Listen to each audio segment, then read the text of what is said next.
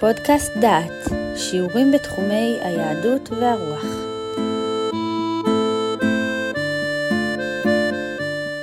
ברוכים הבאים לפודקאסט דעת, לקורס ירמיהו ותקופתו. אנחנו נעסוק בפגישה היום בפרק מ"א של ספר ירמיהו, ונושא השיחה הוא מים רבים אשר בגבעון. מלחמתו של יוחנן בן קרח בישמעאל בן נתניה הייתה קרובה לירושלים, בגבעון. ישמעאל לא הספיק ללכת רחוק, ויוחנן השיגו קל מהרה, וילכו להילחם עם ישמעאל בן נתניה, וימצאו אותו אל מים רבים אשר בגבעון. העיר גבעון מזוהה עם הכפר הערבי אל-ג'יב, עשרה קילומטרים צפון-מערב לירושלים. כיום יש באזור יישוב יהודי, גבעון החדשה. בגבעון נערכו חפירות ארכיאולוגיות ונתגלו שרידים רבים מתקופת המקרא, התואמים את המסופר במקרא על גבעון. נתגלתה מערכת משוכללת של אספקת מים לעיר, וזה תואם את הכינוי מים רבים אשר בגבעון, בירמיהו מ"א, וגם בריכה גדולה נמצאה בה, היא בריכת גבעון, וכתובת בכתב העברי הקדום חרוטה על ידית של כד, בזה הלשון, גבעון גדר, אישור זהויה של גבעון בעד ג'יב. מגבעון לכיוון מערב נשקף מראה יפה על עמק איילון.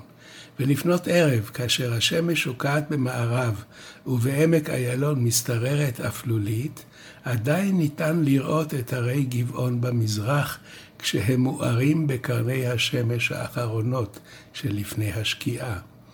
באותה שעה מובנים לפתע דבריו של יהושע, שאמר שמש בגבעון דום וירח בעמק איילון. בגבעון הייתה הבמה הגדולה, ושם נראה השם לשלמה המלך. מספר שנות ימי אוהל מועד שבנוב ובגבעון חמישים ושבע, כך נאמר בתוספת הזבחים. יישובה של גבעון התקיים בכל ימות הבית הראשון, ומבניה נמנו השבים מן הגולה והמסייעים לנחמיה בבניין חומת ירושלים. על כך בנחמיה פרק ג'. לגבעון היסטוריה מעניינת בתולדות ישראל, ולא מקרה הוא שסופו של היישוב היהודי בארץ, לאחר חורבן בית ראשון, קשור בעיר זו. תולדותיה מראים את עלייתו וירידתו של מעמד עם ישראל בארצו. המפגש הראשון של עם ישראל עם גבעון היה במלחמת יהושע בכיבוש הארץ. גבעון פעלה באופן יוצא דופן, בשונה משאר ערי החיבי, ובחרה בתחבולה מיוחדת. הגבעונים לא ברחו, לא נכנעו, אף לא נלחמו. הם הערימו על ישראל וכרתו איתם ברית.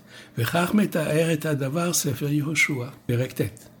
ויושבי גבעון שמעו את אשר עשה יהושע ליריחו ולעי, ויעשו גם המה בעורמה, וילכו, ויצטיירו, ויקחו שקים בלים לחמוריהם, ונודות יין בלים ומבוקעים ומצוררים.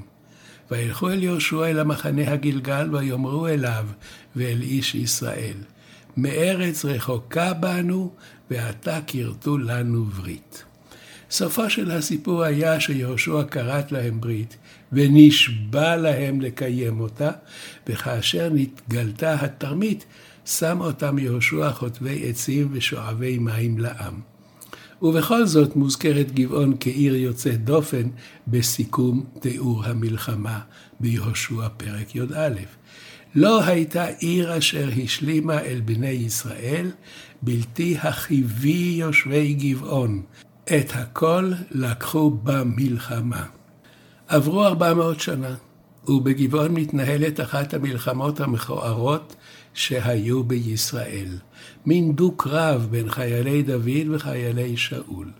הנה התיאור של הקרב המביש הזה. בשמואל ב', פרק ב'. ויואב בן צרויה ועבדי דוד יצאו, ויפגשום על בריכת גבעון יחדיו. וישבו אלה על הבריכה מזה, ואלה על הבריכה מזה. ויאמר אבנר אל יואב, יקומו נא הנערים, וישחקו לפנינו. ויאמר יואב, יקומו. ויקומו ויעברו במספר שנים עשר לבנימין ולישבושת בן שאול, ושנים עשר מעבדי דוד. ויחזיקו איש בראש רעהו, וחרבו בצד רעהו, ויפלו יחדיו, ויקרא למקום ההוא חלקת הצורים אשר בגבעון. מה שקורה כאן זה רמטכ"ל דוד ורמטכ"ל שאול נפגשים, והם צריכים להחליט אם לפתוח מלחמה כוללת, או לעשות דמה של מלחמה, והמנצח בדמה הוא המנצח. מה שקרה הוא שלא היה מנצח ולא היה מנוצח. כל הנלחמים כולם מתו בקרב המוזר הזה. ושוב יש קרב דמים בגבעון. דוד המלך מדיח את יואב, הרמטכ"ל שלו, וממנה במקומו את עמסה. במרד שבע בן בכרי שולח דוד את עמסה לגייס את כל ישראל במשך שלושה ימים. עמסה מאחר, וזה מה שקורה. ויאמר דוד אל אבישי, אתה ירא לנו שבע בן בכרי מן אבשלום. אתה, קח את עבדי אדונך ורדוף אחריו, פן מצא לו ערים בצורות, והציל עינינו. ויצאו אחריו אנשי יואב והכריתי והפליטי וכל הגיבורים, ויצאו מירושלים לרדוף אחרי שבע בן בכרי. שבע, כזכור, יצא נגד דוד, קילל אותו והתחיל להנהיג מרד בדוד. הם עם האבן הגדולה אשר בגבעון, ועמסה בא לפניהם. המסע שהתאחר מלבצע את הפקודה, מגיע. ויואב חגור מידו לבושו, ועליו חגור חרב מצומדת על מותניו בטהרה. והוא יצא ותיפול. החרב. ויאמר יואב לעמסה, השלום אתה אחי? ותאחז יד ימין יואב בזקן עמסה לנשוק לו.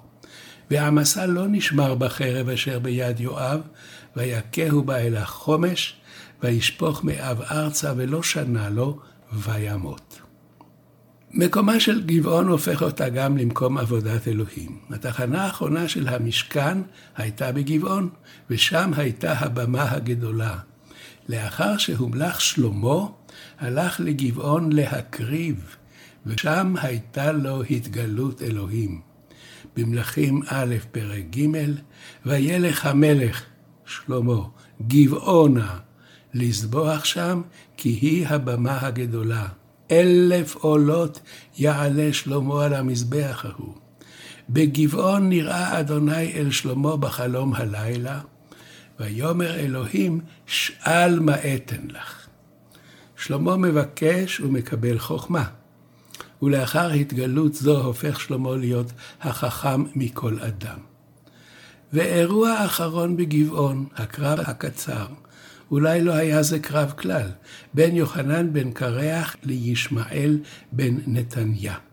לאחר ששבה ישמעאל את כל העם הנותר בירושלים, יצא לדרכו לארץ בני עמון במזרח הירדן. יוחנן רודף אחריו ופוגש אותו בגבעון. והנה כאן תיאור הפגישה. וימצאו אותו אל מים רבים אשר בגבעון. ויהי כראות כל העם אשר את ישמעאל, את יוחנן בן קרח, ואת כל שרי החיילים אשר איתו, וישמחו. ויסובו כל העם אשר שבה ישמעאל מן המצפה, וישובו וילכו אל יוחנן בן קרח. ויקח יוחנן בן קרח וכל שרי החיילים אשר איתו את כל שארית העם אשר השיב מאת ישמעאל בן נתניה, אנשי המלחמה ונשים וטף וסריסים אשר השיב מגבעון. וילכו וישבו בגרות כמהם אשר אצל בית לחם ללכת לבוא מצרים מפני הכסדים כי יראו מפניהם. כי היכה ישמעאל בן נתניה את גדליהו בן אחיקם, אשר הפקיד מלך בבל בארץ.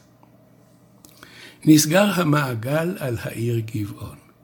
העיר שראתה את ישראל בתפארתו, והייתה היחידה שהשלימה עם ישראל בבואו ממצרים, רואה את ישראל בעליבותו כאשר יוצאו שנית לגלות במצרים. ובין שתי תופעות היסטוריות אלה, עליות וירידות, דו-קרב מכוער, אינטריגות של חצר מלוכה ומזבח מרכזי עליו מקריבים קורבנות. העיר גבעון כמו רואה את עם ישראל וכמו משקפת את קורותיו.